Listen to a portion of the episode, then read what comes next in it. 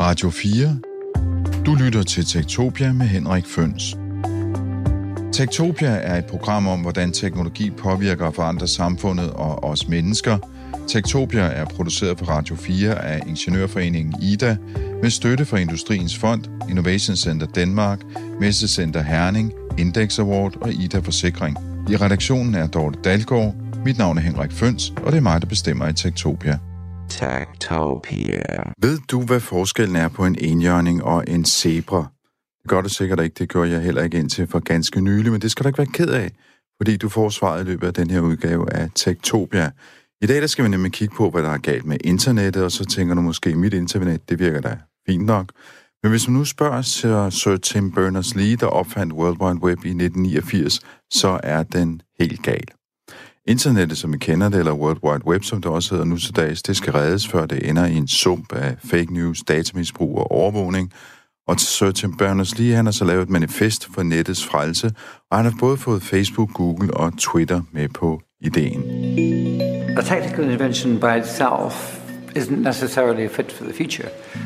It's, uh, it's how it's used. We've seen that uh, just giving people access to the ability to communicate with each other leads naturally to a whole lot of really wonderful things, but also it can lead to really unpleasant things. So, what it's going to take is going to have to take some specific coordinated efforts to look at what's happening on the internet and change and, and re-engineer some of it. For example, change, tweak the way social networks work, build new social networks which allow us to solve the problem of global democracy, for example. There's lots more that we expect from, uh, from the internet that we can achieve, but it won't come by itself. Du lytter til Tektopia med Henrik Føns. Jeg har tre gæster i studiet i dag, som øh, skal snakke om internettets øh, frelse sammen med mig. Øh, vi skulle måske lige øh, lave sådan en opsummering på ham her, Tim Berners-Lee. Han øh, fejrede faktisk 30 år for World Wide Web i marts i år. Og nu har han altså ringet juletiden ind med et opråb, fordi øh, han mener, at øh, det går helt galt. World Wide Web, det er jo, hvad skal man sige, den grafiske udgave af internettet, hvor man kan lægge fotos, lyd og videoer og flot layout og aviser måske på nettet. Så man kan sige, at jeg synes, Tim Berners-Lee, han gjorde nettet visuelt og nemt at bruge for at nå et øh, masse publikum. Men han banede faktisk også vejen for, at man kunne kommercialisere nettet med butikker og bannerannoncer og platforme som Facebook, Google og Amazon. Så derfor så er han nu blevet sådan lidt nettets fristende sure onkel, der gør opmærksom på, at det oprindeligt var frit og åbent for alle, der vil lave en hjemmeside eller sådan et forum for kommunikation. Og det er så siden han blev sat i systemer, sådan nogen som Google og Facebook og blev nemmere at bruge, men også mere, hvad skal man sige, det er måske sket på bekostning af frihed og privatliv. Og det er både Berners-Lee og store dele af techbranchen nu sure over. Hvis man går til den årlige Tech-festival i København, så har man opdaget den der trend. Tre år i træk, der har arrangørerne nemlig sat en tænketank på 150 tech-folk på helt kloden i stævne, netop for at frelse nettet fra Silicon Valley. Og i denne udgave af Tektopia, der kigger vi på den redningskrans, som skal kastes til internettet. Jeg har besøgt Thomas Mads Mygdal. Du er dansk internetpioner, kan vi vel godt kalde dig. Så er der manden bag Tech-festivalen, hvor de er 150 personer i tre år i træk har arbejdet på den her plan for nettets frelse. Hvad er det for nogle mennesker, du har haft i det der, sådan, den tænketank, tænketank der? I tænketanken har vi haft øh, designere, programmører, øh, politikere, øh, diplomater, øh, iværksættere, øh, alt sådan folk fra, fra videre fjern. Øh, alle mennesker, der øh, bekymrer sig og har en rolle i øh, den teknologiverden, vi skaber, og har en mulighed for at påvirke den. Og det kommer vi øh, tilbage til rigtig meget mere her i udsendelsen. Øh, jeg har også besøgt Bjørn Eilertsen fra softwarefirmaet Milestone, hvor du er CTO. Øh, som jeg har forstået det, så har du været med i Tænketanken i hvert fald en enkelt gang. Ja, øh, både min direktør Lars Tænkegaard og jeg har været, øh, har været med fra starten af, øh, og bidraget fra et mere kommersielt virksomhedsperspektiv. Og det kommer vi også til at høre mere om senere. Og så har vi besøgt Lisbeth Bæk Poulsen, der er medlem af Folketinget for SF, Finanserhvervs- og IT-ordfører, og så er du medforfatter til bogen Oprør for fremtiden, som øh, også har undertitlen Manifest for frihed og fællesskab midt i en tech-tid. Så du har også lavet manifest? ja, Nej. Det har været min store drøm altid at lave et manifest. Nej, det er, det er voldsomt inspireret af, af det arbejde, som, øh, som Thomas øh, har lavet, og Tech Festivalen har, har lavet. Øhm, øh, det i bogen, det er sådan et kondensat af, af nogle tanker. Øh, nu er jeg jo øh, fra den politiske verden, og har ikke ret meget forstand på, hvad skal man sige, det har et kort tekniske, men, men det var sådan et opråb om, at øh, hvis man hvis man øh, politisk overlader øh, tech-diskussionen til, hvad skal man sige, tech-nørderne, og det er kærligt ment, så tror jeg, at vi går glip af, af rigtig, rigtig meget. Og jeg synes, det er et kæmpestort demokratisk problem, at det fylder sig lidt på Christiansborg øhm, at tankegangen er, jamen det lader vi embedsfolk øh, og programmører og, og så videre om, fordi at øh, det har ikke noget med politik at gøre, og det har alt med politik at gøre, fordi det handler jo om den verden, vi gerne vil bo i, og som vi vil skabe, og derfor jeg synes, det er så fantastisk, at øh, både virksomheder og folk som Thomas øh, starter øh, ting og holder den her diskussion i gang, fordi det kommer virkelig ikke fra Christiansborg, øh, og det er det, jeg gerne vil. Jeg vil gerne trække det ind på Christiansborg. Godt, det skal vi høre mere om senere i udsendelsen også. Først så skal vi nemlig have et klip med en fyr, der hedder Asa Raskin, som øh, faktisk var med på Tech Festivalen i år. Han er sådan en slags øh, afhopper, kan man vel kalde mm. ham. Han har noget, der han kalder for Humane Technology, human teknologi, som er en slags øh, tænketank, og han laver også en podcast, hvor han plæderer for, at vi skal være bedre til at omgås teknologi, end vi har været hidtil. We work on addressing the way that technology now is systematically destabilizing and tearing apart our societies, and looking forward to a future um, of humane technology which respects the limits of us as human beings uh, and realigns technology with our and our society's best interests.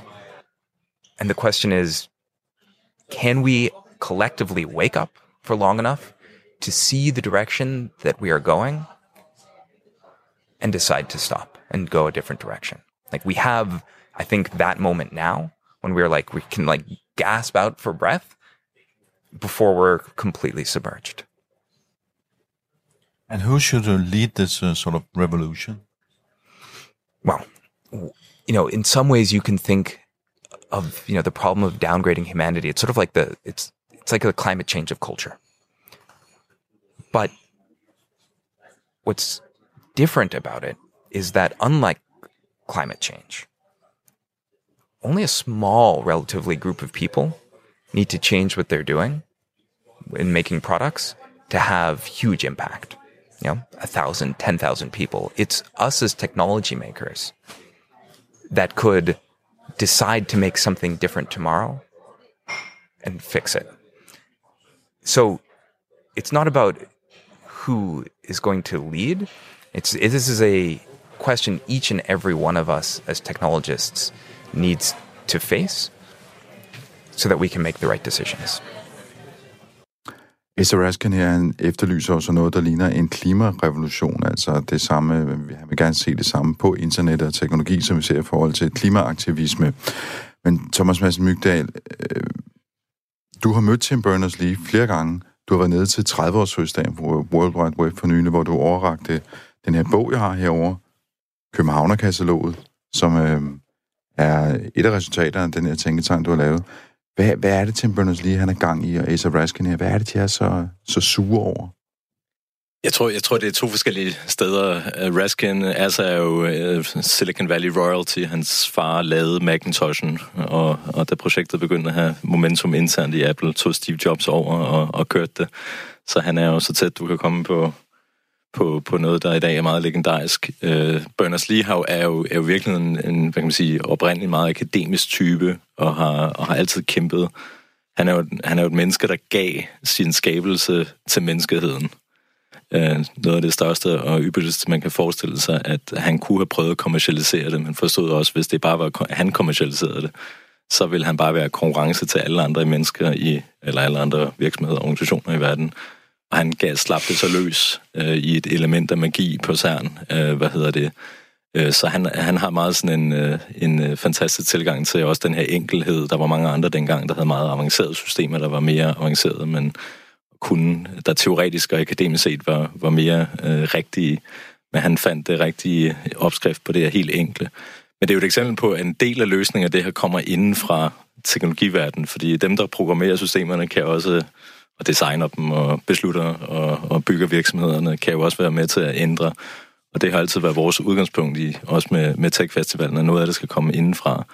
Men, men samtidig tror jeg også, at vi, vi jo er i den her brydningstid, hvor, hvor den her navitet i, at, at det handler om kun øh, Facebook og Google og, og Apple og, og, og et par andre virksomheder, er, er, er for mig meget naiv, at det handler lige så meget om den danske digitaliseringsagenda. Det handler om hver kommune i Danmark, og det gælder i hele verden, alle kommuner, alle byer, øh, alle samfund. Øh, det er 100.000 vis, hvis ikke millioner af mennesker, der påvirker vores teknologi, øh, påvirker det samfund, og skal forstå, hvordan man behandler teknologi, hvilke muligheder der er, og hvordan vi sikrer, at det ikke er teknologihysterik og, og, og optimisme, Øh, og det er jo en helt ny udfordring for os som samfund. Så, så det er meget interessant, hvad kan man sige, de forskellige udgangspunkter her. Tim Berners-Lee har også meget globalt udgangspunkt. Altså, hvis du læser hans manifest, det er jo meget fokus på Afrika, adgang osv., Øh, og kritikken går selvfølgelig øh, meget på det her med, at hvis Facebook kan skrive under på manifestet, så er der jo ikke rigtig noget i det. Fordi så er der ikke noget friktion i det til at starte med. Øh, hvad hedder det? Øh, så, så det er meget forskellige perspektiver, kan man sige, hvor, hvor Asa har arbejdet for Facebook og siddet lige inde i der, hvor man har taget de her beslutninger, og, og på den måde. Så man ser den her bevægelse mange steder. Du ser en, den originale bevægelse, Tim Berners-Lee, du ser sådan noget som Tech Festival og den her europæiske vækkelse i, at vi skal finde vores egen model, og så ser du det her helt inde i Silicon Valley, og de mennesker, der har været med til at bygge de her produkter, øh, programmørerne, designerne primært, øh, ligesom reagerer meget på at, at være mere værdibaseret og føler lidt, at de har været spændt for for den, den ypperste kapitalismes øh, øh, øh, løbehjul i, i et par år. Så, så, så det, det handler om, det er, øh, hvad skal man sige, det, det tankesæt, som man har udviklet i Silicon Valley, som har spredt sig over hele verden. Det er det, man gerne vil væk fra. Ja, det kan man altså vi er i hvert fald en af de store kendelser med Tech Festival de sidste par år, også Tænketanken og så videre, og en, og en generelt, øh, tror jeg, europæisk og global vækkelse er, at vi har lavet et par hundredtusind mennesker i en provinsby, langt, langt væk herfra, øh, langt væk fra, fra, fra hovedsteder, fra, fra regeringer, langt væk øh, fra øh, den måde, vi andre driver, bygger virksomheder og driver samfund, øh, hvad hedder det, de værdier, vi repræsenterer, definerer hele den digitale tidsalder, Wired, og så videre. Vi har lavet, vi har lavet 100-200.000 mennesker i en provinsby, der ikke engang eksisterer. Den er så virtuel, at den hedder Silicon Valley, som ikke er et fysisk sted. Øhm, ligesom det, definerer. Det, man kan sige, det, er, det er et område i Kalifornien. Det er et område i Kalifornien, eller, eller det er basalt set en idé, jo, kan man sige. Det er jo det er ikke engang et område. Du kan ikke engang afgrænse området. Øh, hvad hedder det? Det er basalt set en, en, en, en optimistisk idé, men vi har ladet den definere ud fra deres, de guldgraver, det er hele deres kulturelle historik. De er altid imod det, det eksisterende de, de er aldrig, det er ikke Washington i USA, det her. Det, det handler ikke om USA, det handler om en meget lille del af, af Kalifornien. Hvad hedder det? Og dem har vi ligesom, vi har et råt globalt, og vi så det jo også sidste år her i Danmark med, med singularitetsbevægelsen og disruption og alt det her, hvor, hvor det i hvert fald tog, synes jeg, nogle år, før vi ligesom fik vendt billedet rundt på at sige, men det er jo os, der skaber teknologien også her. Det er jo ikke noget, der kommer udefra. Det er også det er mennesker, der skaber teknologien, og derfor derefter påvirker eller skaber teknologi med menneskene. Så, hvad hedder det, så det er lidt det her eksternaliseringsbillede på det, hvor det, jeg synes, vi ser meget af det her, at det er indenfra op, at der er en vækkelse lige i øjeblikket i Europa og i Norden i Danmark. Bjørn Ejlersen, nu, nu sidder du og er chef i en uh, stor IT-virksomhed, som ovenikøber international, japansk ejet. Dansk stiftet, men, uh, men japansk ejet, det er. Så nogle tanker her energiindpas hos jer? Altså noget, når I, når I går rundt og passer jeres arbejde til daglig, tænker I så over sådan noget, som Tim Berners lige render rundt og siger? Eller? Ja, man kan sige, lige, øh, lige den, øh, den altså indfaldsvinkel, som Thomas har der, den er jo, den er jo noget øh, uden for det at, at drive en kommersiel virksomhed i, i hverdagen, men, men jeg synes helt klart, der er nogle paralleller i det. Og man kan sige, for mit vedkommende, tror jeg, det drejer sig meget om øh, noget så banalt og, og måske gammeldags som værdibaseret ledelse. Fordi det drejer sig egentlig om, hvis man som virksomhed gerne vil arbejde efter et formål, så må man stille sig selv det første spørgsmål. Er profit det eneste formål? Og, og jeg tror, det er den samtale in, internt, øh, der starter og siger, okay, der, der er nok en eller anden værdiskabelse, vi gerne vil gøre over for en eller anden en kunde, eller nu vores så, øh, virksomhed til virksomhed, eller business to business. Ikke? Men hvad er det for en værdi, du gerne vil skabe? Og hvad er så en, øh, hvad, hvad er så en fair profit at tage det? Snarere end at sige, som jeg synes Thomas er inde på, at der er sådan en guldgrav-mentalitet. Altså at profitten er formålet, og derefter sætter man så de ting i værk, der øh, for mest mulig profit. Og nu er jeg jo øh, superliberalist, så det er absolut ikke, fordi jeg mener, at jeg skal have nogen profit, men, men det er bare ikke et formål i sig selv. Profit, det er det, man får ud af at have et godt formål. Og jeg, jeg tror, det er den, det er, den øh, er det en vækkelse, eller er det i hvert fald en bevægelse, som har rigtig meget at gøre med værdibaseret virksomhedsledelse, om man vil. Ikke? Men er det noget særligt for teknologibranchen? Altså, kunne det ikke lige så godt have været altså, virksomheder for 30 år siden, som ikke beskæftigede sig med den type teknologi, I laver, som er software, men måske lavet biler, eller tog, eller øh, fødevarer? Den start, som teknologibranchen får for 20-30 år siden, og som har særligt de sidste 15 år øh, har, har taget fart, ud fra sådan et, øh, som Thomas taler om Silicon Valley-perspektivet, der, der er der måske en, en mangel på en, en refleksion over, hvad er det for en værdi, vi egentlig skaber, udover så at få profit, når vi gør det rigtig godt. Og jeg tror, jeg tror det er det udgangspunkt fra en kommersiel virksomhed, der siger, hvad er det for, en, for et ansvar, vi egentlig har øh, over for den værdiskabelse, vi har over for, for kunder og, og brugere. Og det sætter så nogle meget centrale spørgsmål. Er det egentlig okay at, lad os sige, eksempelvis bruge data på en særlig måde, ikke være transparent omkring det, ikke at være fair omkring det? Er det så en reel værdiskabelse, eller er det en værdiskabelse, der egentlig ikke står, øh, der ikke står tidens, øh, tidens, øh, tidens billede? Lisbeth Bæk Poulsen, øh, sådan overordnet set samfundsmæssigt, fordi nu handler det også om transparens for politikere, og det er nogle samfundsmæssige, hvad skal man sige, øh, problemer og klimaforandringer, bliver det sammenlignet med, der kommer op her. Hvor meget genklang vinder det på, øh, på Christiansborg? Jamen ikke ret meget, øh, som det er nu, men, men jeg synes, altså sammenligningen med, øh, med, med klimaudfordringen, den er jo lidt, øh, altså, lidt øh, øh, lang, øh, langhåret, men på sin vis, så, så, så giver det også mening, fordi da vi, øh, da vi fik industrialiseringen, jamen, så var formålet for alle lande og byer og mennesker og samfundsgrupper, det var, at man skulle blive så udviklet som muligt, og det skulle man bruge industrialisering til, og den var fossildrevet, og det var bare det, der skulle til for at skabe bedre samfund og bedre liv osv. Og, så videre. og så kørte man derud af, og man havde ikke rigtig blik for, at man samtidig fordi man ikke vidste, ødelagde øh, kloden og sin egen livsbetingelse. Og det er det, vi er ved at få øjnene op for nu, at vi bliver nødt til at producere og forbruge på en, på en helt anden måde. Og det samme tror jeg også, altså der har været en blindhed over for det her øh, øh, res. Altså vi skulle bare digitalisere så meget som muligt. Hvorfor? Det glemmer man måske at spørge. Vi skulle, øh, vi skulle have alle, mulige, alle hånd teknologiske løsninger. Man skulle, øh, man skulle have SoMe og så videre.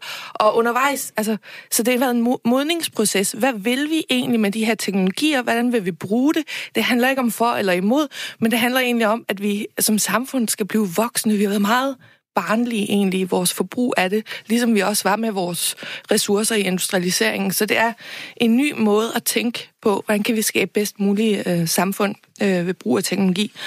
Og det synes jeg, at Bjørn han har øh, en god pointe, fordi at øh, du finder jo ikke et, øh, en virksomhed i dag, der ikke har et why, et purpose, et formål, til en grad, som næsten brækker sammen. Men det er bare meget få, som efterlever det i praksis, som det Bjørn beskriver. Altså, hvor man på en voksen måde måske sætter nogle barriere, nogle begrænsninger for sig selv, har noget selvdisciplin og siger, det her vil vi bruge, det her vil vi ikke, øh, og er meget bevidst om, hvordan man vil det.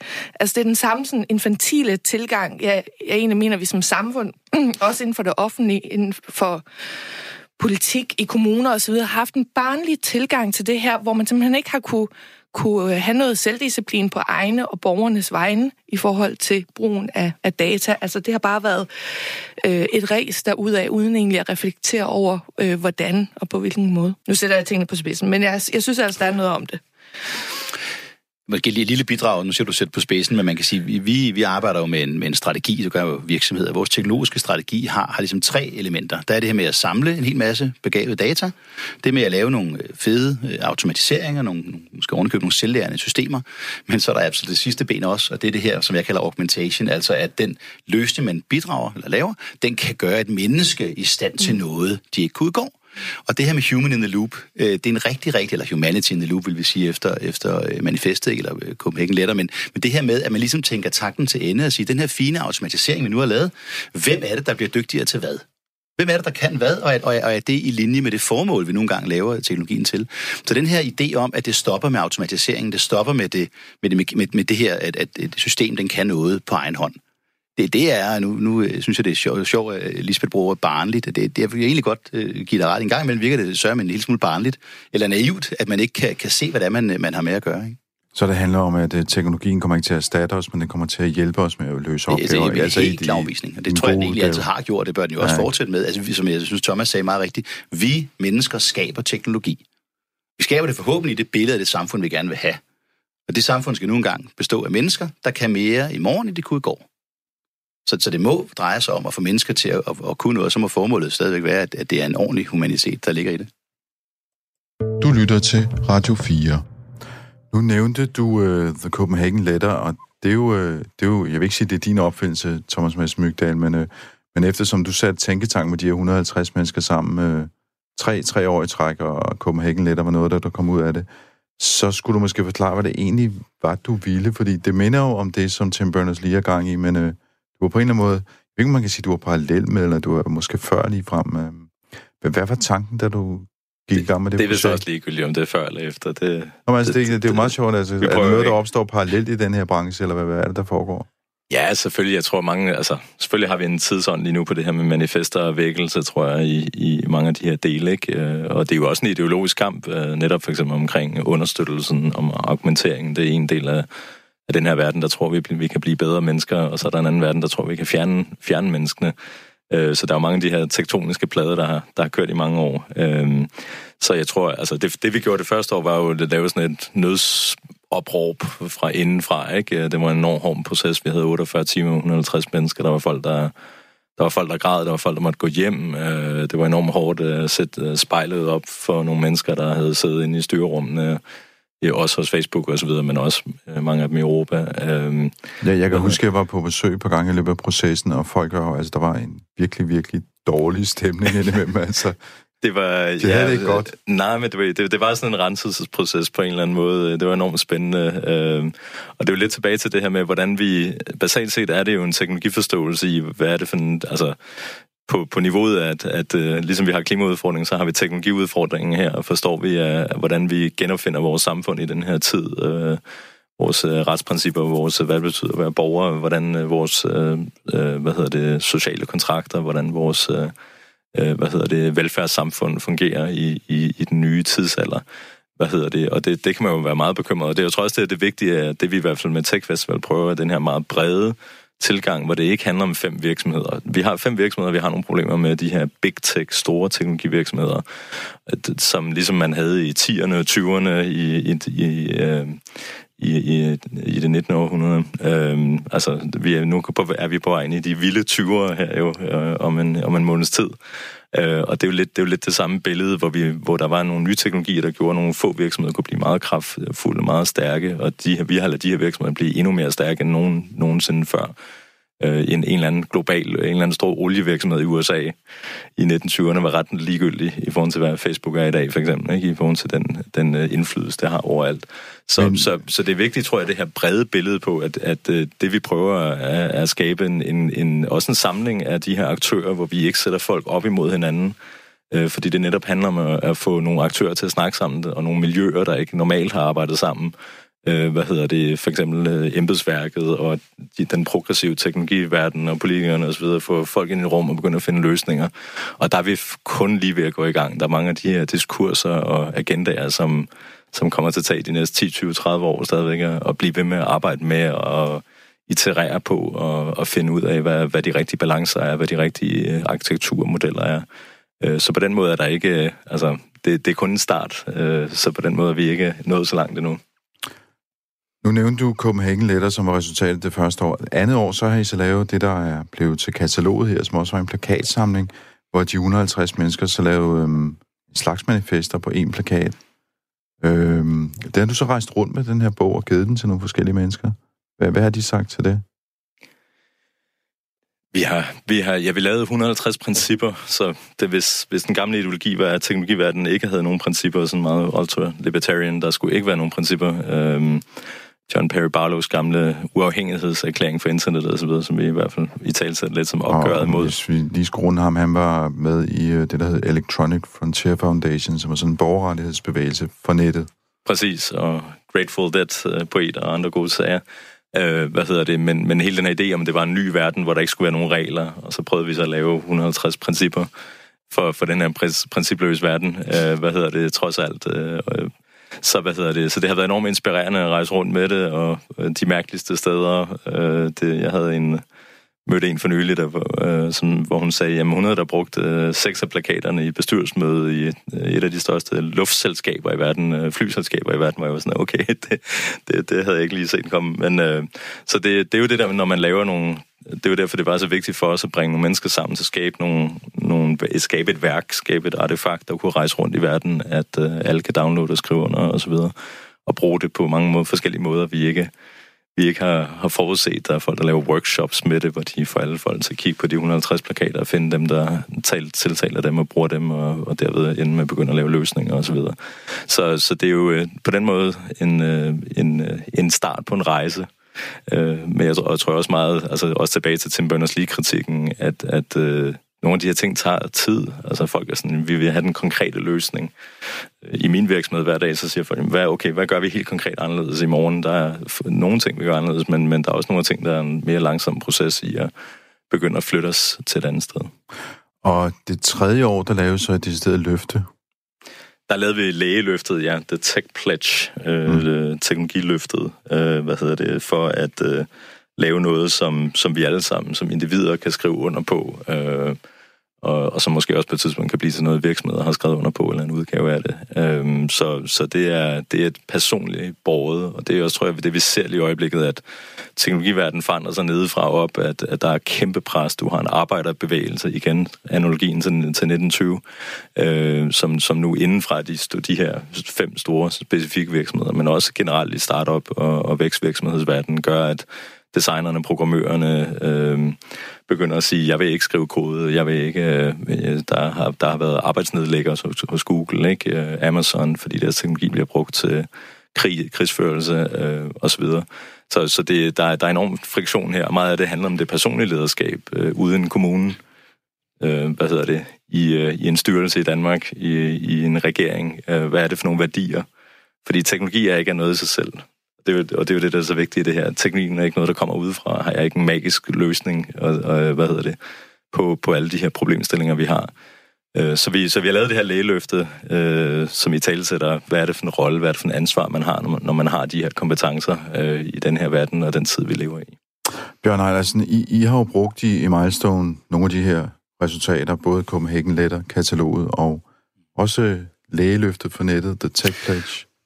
ja, altså det, den her pledge og den, den personlige element arbejder vi stadigvæk øh, internt med, hvordan, hvordan skal det være, hvordan skal det bo, men, øh, men for at, at gå tilbage, altså fra Copenhagen Letter, som, som du siger, var vi en, en del af, det, det, det, det rider jo også på en intern bevægelse omkring, hvad er det egentlig for, som jeg sagde, med værdier og, og værdibaseret øh, virksomhedsledelse. Så der, som virksomhed kan man jo, kan man jo kun gøre, kan man sige, inden for sin egen, hvad er det, vi leverer til hvilke kunder, ikke?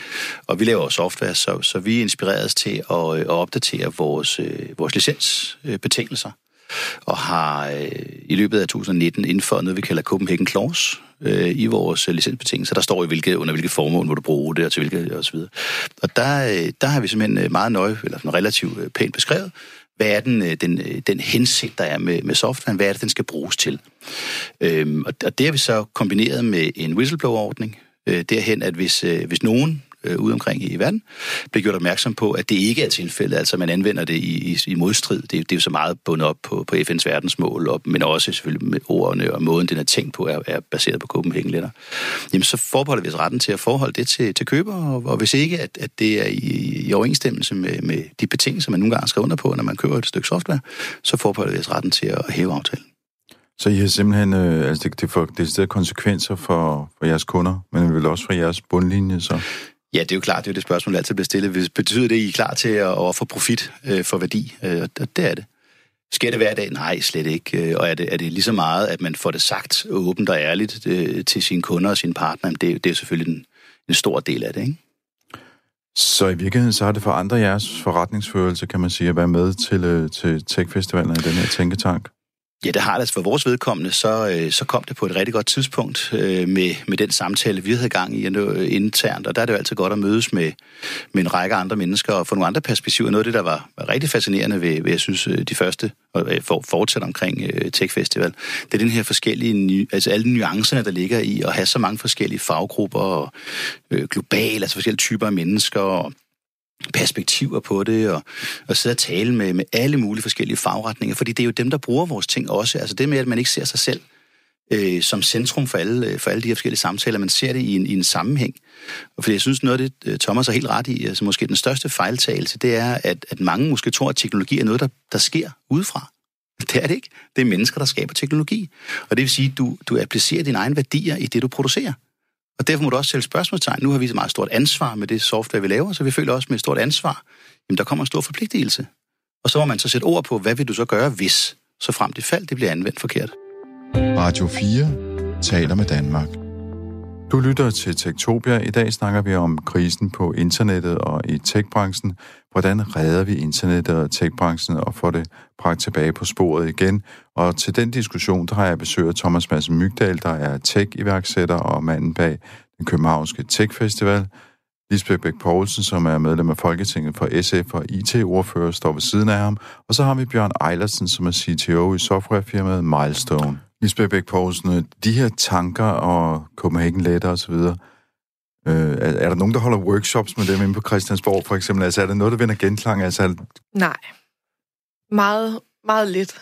Øh, og jeg synes, det er øh, så ærgerligt. Øhm, og jeg, jeg, tænker, at jeg prøver også at gå rundt og sige til mine kolleger, at hvis man bliver skræmt over, at det virker meget svært teknisk og sådan noget, så skal man bare kigge på mig. Altså, jeg har ikke en hujende forstand på, på noget som helst, altså øh, der er indholdsmæssigt, er, er teknisk. Men, men jeg har ligesom Bjørn, at, at teknologi det er jo, hvad vi, hvad vi gør det til, og det er også ekstremt øh, værdibaseret. Øhm, og ligesom at der ikke er nogen, der bliver vrede på øksen, hvis den bliver brugt til at slå en mand ihjel med, øh, eller, eller synes, at den er fantastisk til at hugge brænde med. Altså, det er, det er hvad, vi, hvad vi gør det til, og, øhm, og, og vores samfund har, har altid øh, gennem tiderne øh, blevet, øh, blevet formet af, af teknologi, og det gør det stadigvæk, men det er ligesom, at nu, fordi at det er øh, 0 og 1-tal, så bliver det sådan ekstremt svært øh, at forstå, at det er det, der er med til at forme vores, øh, vores samfund. Og, øh, men, men jeg synes dog, at altså, der er ved at, at opstå nogle lommer af, af de her diskussioner. For eksempel øh, Genomcentret. Altså, der var der en masse diskussion omkring det. Øhm, Måske øh, skulle lige forklare. Ja. Jamen, det her National Genomcenter, øh, hvor at, at diskussion, altså da man skulle oprette det, hvor diskussion på den ene side var at der er nogen, der lagde utrolig stor vægt på øh, alt det, man kunne bruge øh, befolkningens øh, DNA til og data til osv. Andre sagde, jamen pas nu på, altså det er noget af det mest øh, øh, sårbare information øh, om, om os og så videre, og er det sikkert? Og det samme med, øh, med børnenes trivselsmålinger, som vi fandt ud af, de var altså ikke anonyme. Øh, det samme med diskussion om Gladsaxe-modellen øh, databeskyttelsesloven, da vi skulle implementere GDPR i dansk lovgivning, hvor vi også kom til at diskutere det her. Og, og, og hvis man koger det ned øh, til, til, til essensen af det, så, så handler det jo om, om de her store ting, som vi tit diskuterer i politik. Altså forhold mellem borger og stat, øh, rettigheder, øh, privatlivets fred over for, hvad man hvad man skal give tilbage til samfundet, så at sige. Ikke? Altså, der er jo sådan meget øhm, øh, pondus i det egentlig, hvis, hvis man vil, øhm, øh, når, når vi diskuterer de her ting. Altså ligesom lige nu, jeg er højgravid, jeg er meget betænkelig ved at afgive mine personlige data, fordi det også er min, mit kommende barns øh, data i sundhedscentret, øh, sundhedsvæsenet, fordi jeg er ikke sikker på, hvor det ender hen. Men vi skulle jo gerne have en verden, der var så præget af tillid, at vi sagde, at det her det er noget, jeg gerne vil give til fællesskabet, fordi det kan være med til at kurere sygdomme og skaffe os en masse viden osv. Så det er de her fuldstændig princ- principielle diskussioner om individ over for fællesskab, borger og stat, Øh, Øh, vores rettigheder, og, og hvad betyder det i praksis osv.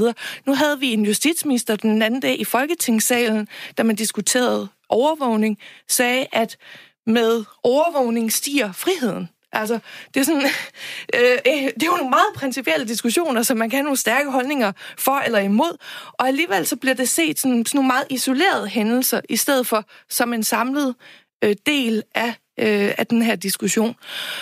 Og, øhm, og jeg siger til mine kolleger i hvert fald, at hvis de er sundhedsordfører, eller børneordfører, eller hvad det nu er, I skal tænke det ind i jeres egen område. I skal ikke komme til mig og sige, øhm, kan du ikke håndtere det her, du er jo IT-ordfører. Men jeg ved ikke noget om sundhedspolitik, eller jeg ved ikke noget om børnepolitik. I skal tænke det ind i alle jeres områder, fordi det er en del af vores verden nu. Også det her med at sætte nogle hegnspæle og og indoperere de værdier, vi har i den analoge verden, de hører altså også hjemme her. Der er ikke et eller andet, vi kan ikke opfinde noget nyt. Det er, det er de samme værdier, som gerne skal definere, hvordan vi indretter os.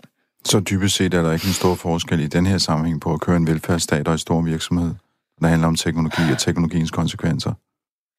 Jo, der er, altså, der er forskel, fordi at du kan ikke se, du kan ikke se øh, staten som, som en virksomhed. Altså en, en kommersiel virksomhed i en kapitalistisk verden skal også have en bundlinje øh, og agere efter det. Men jeg synes, det er rigtig fint, som Bjørn også siger, at der kan man altså også godt indtænke nogle værdier. Men vores samfund skal jo, altså vi laver jo både lov, der gælder for individer, for virksomheder, for organisationer, og vi skal hele tiden finde balancerne imellem individet og fællesskabet. Det skal helst ikke øh, bong ud øh, for, for meget til den ene eller anden side. Vi skal, øh, vi skal sætte nogle værdier op, som er det, som dem, der har stemt på os, siger. Det her er altså, hvad vi synes er vigtigt. Og det er vigtigt, øh, for, for nogen er øh, tryghed, og hvad de nu tænker på som tryghed meget, meget vigtigt. For andre er frihed meget, meget vigtigt. Og det er de der store diskussioner, som jo egentlig er essensen af den her diskussion, og det er derfor, jeg nogle gange ikke altså, bliver frustreret over, at, øhm, at vi ikke kan have, øh, kan have de her store diskussioner, fordi jeg synes, der er så meget gods i det. Altså, det er essensen af, hvad politik er for mig. Altså, hele, Lisbeth, hele også, diskussionen om, hvad det er for et samfund, vi gerne vil Jeg synes også, du rammer meget smukt det der med, altså vi, vi plejer at snakke om det der med, at vi alle sammen er nybegyndere, ikke? Øh, teknologifolk er måske nybegyndere til, til mange af de her samfundsdiskussioner, politikerne for eksempel er nybegyndere til øh, ja. de teknologiske muligheder og, og, og, og problematikker og systemer og modeller og arkitekturer.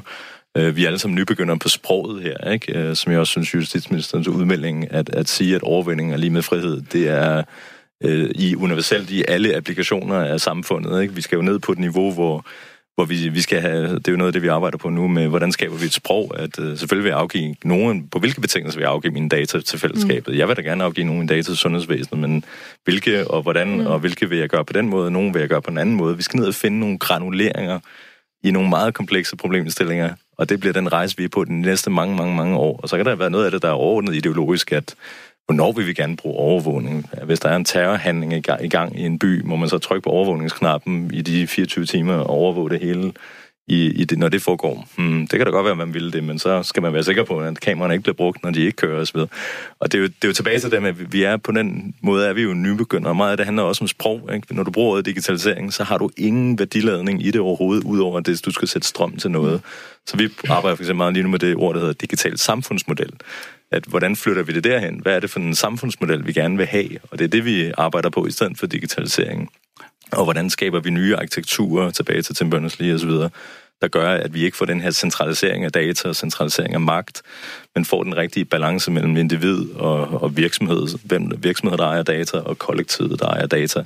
Og hvad, hvad er den nye sociale kontrakt der i, i, hvad vi skal afgive, og hvad vi får af værdi? Og det, det, det kan for eksempel ordet digitalisering meget svært ved at, at rumme. Det er meget svært ved at rumme det, ikke? Og, og jeg tror, at det her med den digitale velfærdsstat, som jeg tror, at det, det er den vej, vi skal hen og tænke, hvad, hvad, hvad betyder det? Det ord, der, der for mig øh, skal arbejdes rigtig meget med, det er jo tillid. Mm. Altså fordi, når vi, når vi ser på et, et, et samfund, øh, sociale kontrakter, hvad er det for tillid, vi har i et givet samfund? Det, hvor jeg tror, at hovedproblemerne er her, det er den øh, øh, måske meget færre, men meget, meget, meget stor mangel på tillid til de, øh, de platforme, som, øh, som driver øh, særligt vores sociale liv, men også, men også andre ting. For, for den, den her tillid, i og med, den er, den er, den er svært opbyggelig, og den er relativt nem at, at nedbryde. Og, og hvis ikke vi har en tillid til, hvad det er øh, for nogle data, hvad skal de, hvad må de, og, og hvordan bliver det egentlig anvendt, så, så er det meget, meget svært at skabe mm et, et, et ordentligt digitalt øh, velfærdssamfund. Og når du ser på det fra sådan et, et, et, et videnskab-perspektiv, så er det den her mangel på transparens. Det, der sker for både virksomheder, men også for rigtig, rigtig mange øh, individer, det er jo, at den her øh, mangel på, hvad er det, du har? Hvad skal du bruge det til? Hvad får jeg igen? Hvilken værdi får jeg så ud af det? Som kunde, henholdsvis som, øh, som, øh, som person. Ikke? Jeg tror, det er der, at vi har blevet utrolig optaget af at automatisere tingene skabe nogle, øh, nogle løsninger, som næsten er muligt at lægge fra os, uden egentlig at tænke på, hvor, hvor er transparensen henne i det her? Hvis du har et samfund, det analoge samfund, uden transparens, så er det svært at få tillid. Uden tillid er der ikke noget ordentlig, øh, noget ordentlig struktur, og det samme gør sig faktisk gældende i et digitalt samfund. Det handler om at kunne gennemskue det simpelthen. Lisbeth Bæk Poulsen. For et par år siden, der var jeg på studietur i Estland, som jo er en meget interessant case, fordi at øh, det, ligner, øh, det er et land, der ligner Danmark øh, på, på lange stræk, ikke? meget øh, digitaliseret, optaget af teknologiske løsninger osv., men vi har meget forskellige historier. Øh, Estland har jo hele, hvad skal man sige, sovjet-historikken, og det har præget deres syn på staten også, og forholdet mellem borger og stat. Øh, det, det giver sig selv, ikke? Og der, der er en der skal være noget, noget armslængde øh, og, og noget respekt for, for, for borgerne og for, for individet, og det, øh, det er fuldstændig centralt, hvor vi i Danmark har haft... Øh, øh, en helt anden historik og haft historisk set en meget, meget høj tillid øh, mellem borger og stat, eller, eller borgernes tillid til staten har været ekstrem høj. Og det er jo derfor, at ting, som i andre lande vil være fuldstændig vanvittigt, altså CPR-nummer og alt muligt andet, altså vores sundhedsdata, mængden af, af data, det har kunne lade sig gøre i Danmark, fordi at borgerne har haft så ekstremt stor tillid til, mm. til staten. Og, øh, og, og der kan vi bare se, at den arkitektur, som de har i Estland, jamen, der er bygget op på nogle meget, meget klare øh, krav og principper. Hvad må staten over for borgerne? Staten ejer ikke borgernes data. De låner den til et specifikt formål. De spørger om lov. Der er fuldstændig transparens om, hvem der gør hvad, hvem har været inde og kigge på hvad med nogle få undtagelser, politiet og så videre, der giver mening. Men, men den arkitektur har også kun kunne lade sig gøre, fordi de blev, øh, de var så sene i deres udvikling. Altså, de kunne bygge det op i 90'erne, hvor vi har de her legacy-problemer, fordi vi har været i gang i årtier, og så hele tiden prøver at, at lappe på nogle systemer, ikke? der har de kunne gøre det rigtigt fra, fra starten af. Og, øh, og der må man bare sige, at, at jeg synes, vi har et gigantisk problem i Danmark, fordi når vi måler på borgernes tillid, så er det den frit fald borgernes tillid til både, hvad skal man sige, det der er, er øh, uoverlagt tjusk med borgernes data, altså øh, ukrypterede CD-rommer, øh, pol, altså øh, CPR-registre, øh, øh politiets øh, brug af vores øh, data osv. Altså, at vi, vi ligger på en 34. plads, når det kommer til sikkerhed. Øh, det, er, det, det svinger altså ikke med, at vi vil øh, have den her altså digitalisering til at køre hurtigere og hurtigere og hurtigere. Og bare for at slutte af med sådan et klokkeklart øh, et eksempel.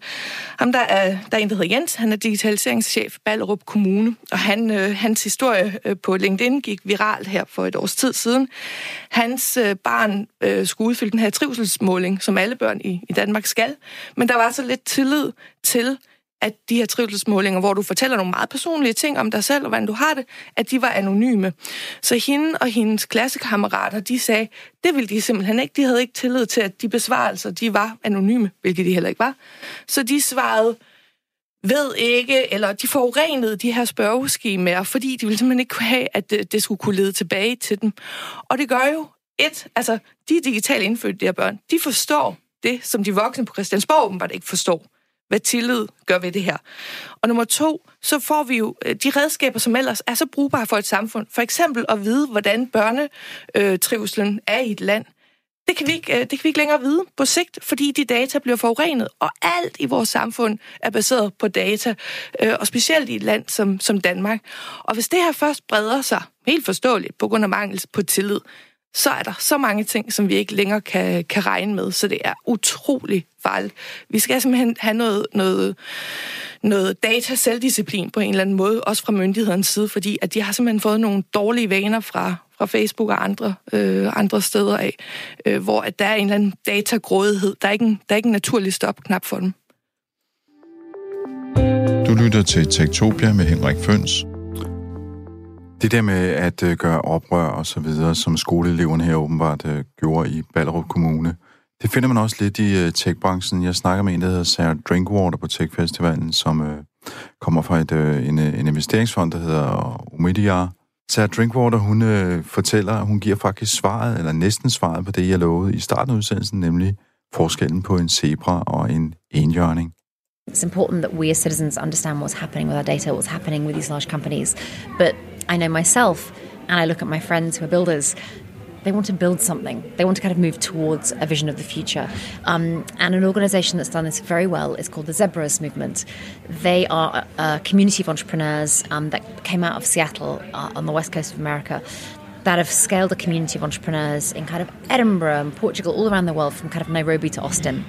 And their notion is that uh, they are zebras, not unicorns. Zebras are real, unicorns aren't. Uh, zebras make money and do good at the same time. They are cooperative, they are sustainable. Um, they're trying to be good citizens. You know, they built this chapter model around the world of entrepreneurs who are trying to build ethically.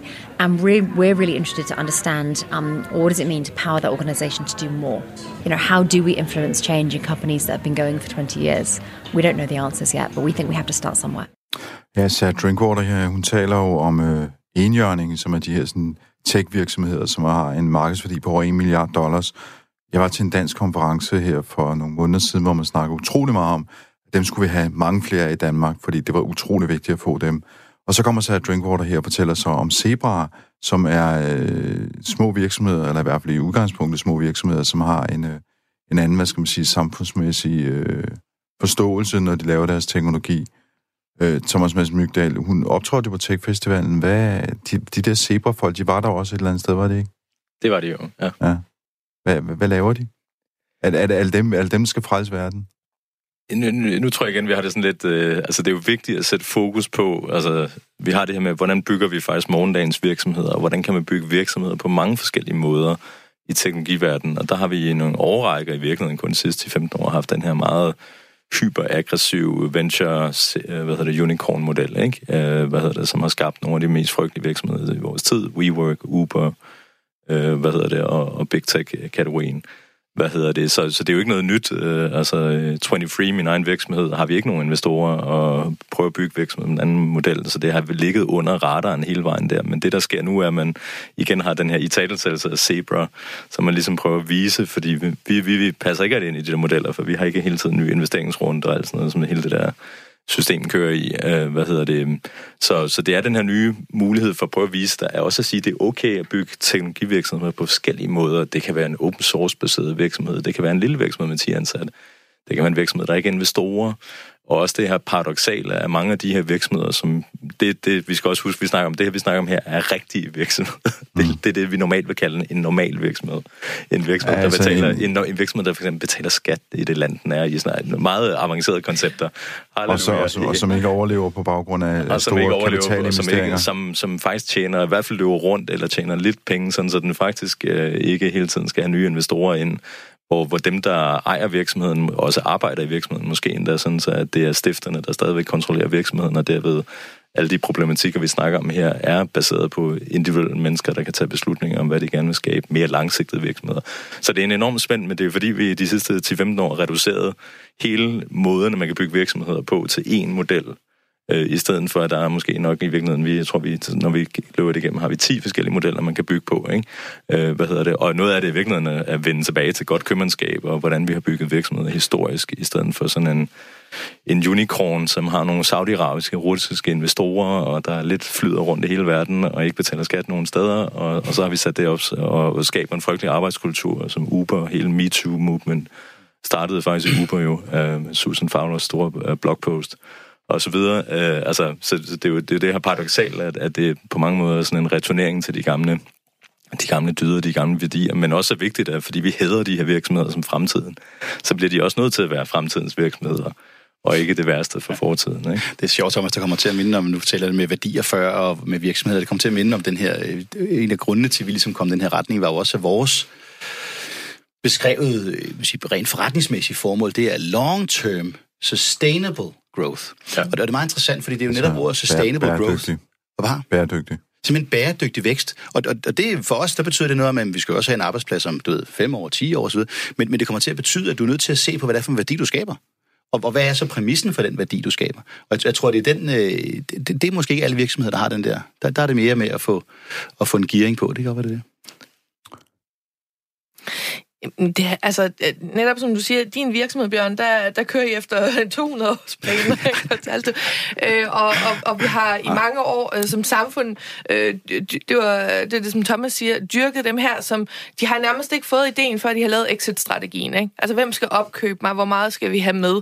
Øhm, og, og, og det har været dem, man har, man har hyldet bredt set. Ikke? Og man siger, mm, får, får vi egentlig de bedste produkter på den måde? Får vi de bedste arbejdspladser på den måde?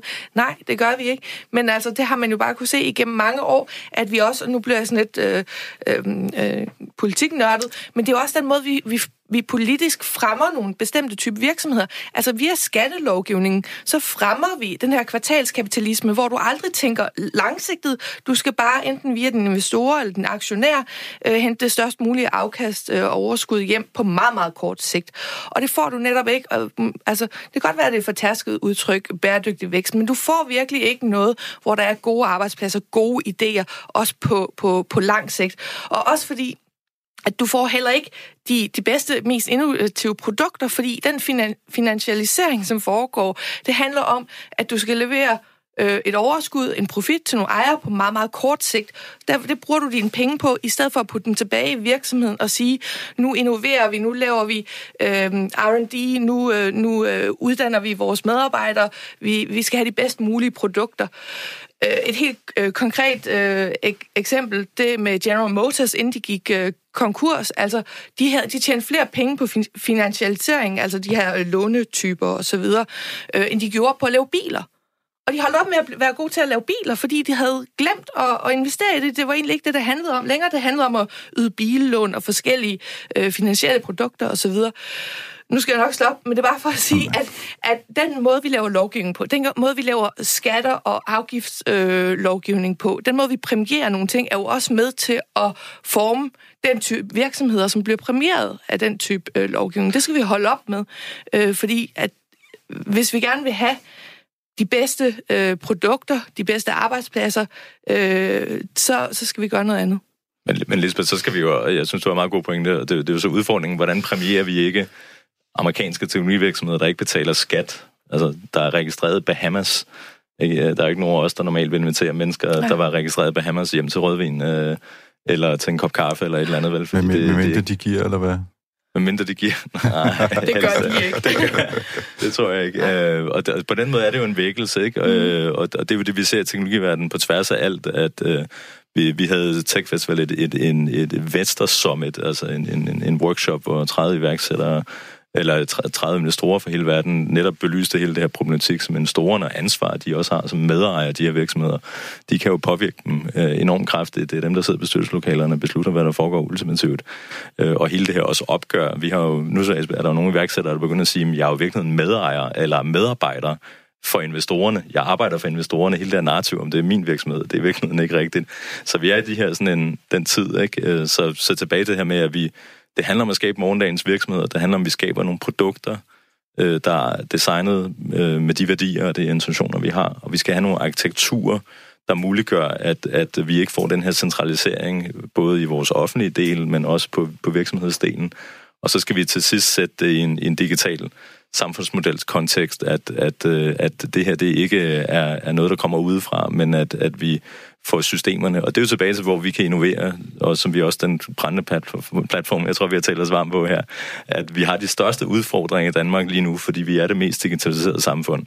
Og derved har vi alle de her problemer gange 20 i forhold til Tyskland, som er 10 år bagud. Men de har altså også kvæg deres historik heller ikke tur at gøre rigtig mange af de ting, vi har gjort i Danmark. Men det er jo også en kæmpe mulighed for os som at levere værdi til borgerne, for at skabe nye typer af virksomheder, der kan levere de her løsninger, der finder balancerne. Øh, hvad hedder det? Det er en mulighed for, at, at vi virkelig kan blive det, det fremmeste samfund. Men det kræver, at vi, vi virkelig vågner op til dødet til den her teknologiudfordring øh, på tværs. Og måske så ser det ikke så sort ud. Vi skal til at runde af nu, men øh, jeg kunne øh, være fristet til at øh, citere fra en rapport, der lige kom, The State of European Tech, som blev udgivet på festivalen Sloss i Helsinki, faktisk af et britisk investeringsfirma, der hedder Atomico, som godt nok har en svensker med i ledelsen, men øh, de konkluderede, at der faktisk er rigtig mange investorer, som i dag kigger på øh, ting som transparens, bæredygtighed, etisk brug af data og teknologi, også om de, de virksomheder, de investerer i, de faktisk lever op til FN's bæredygtighedsmål.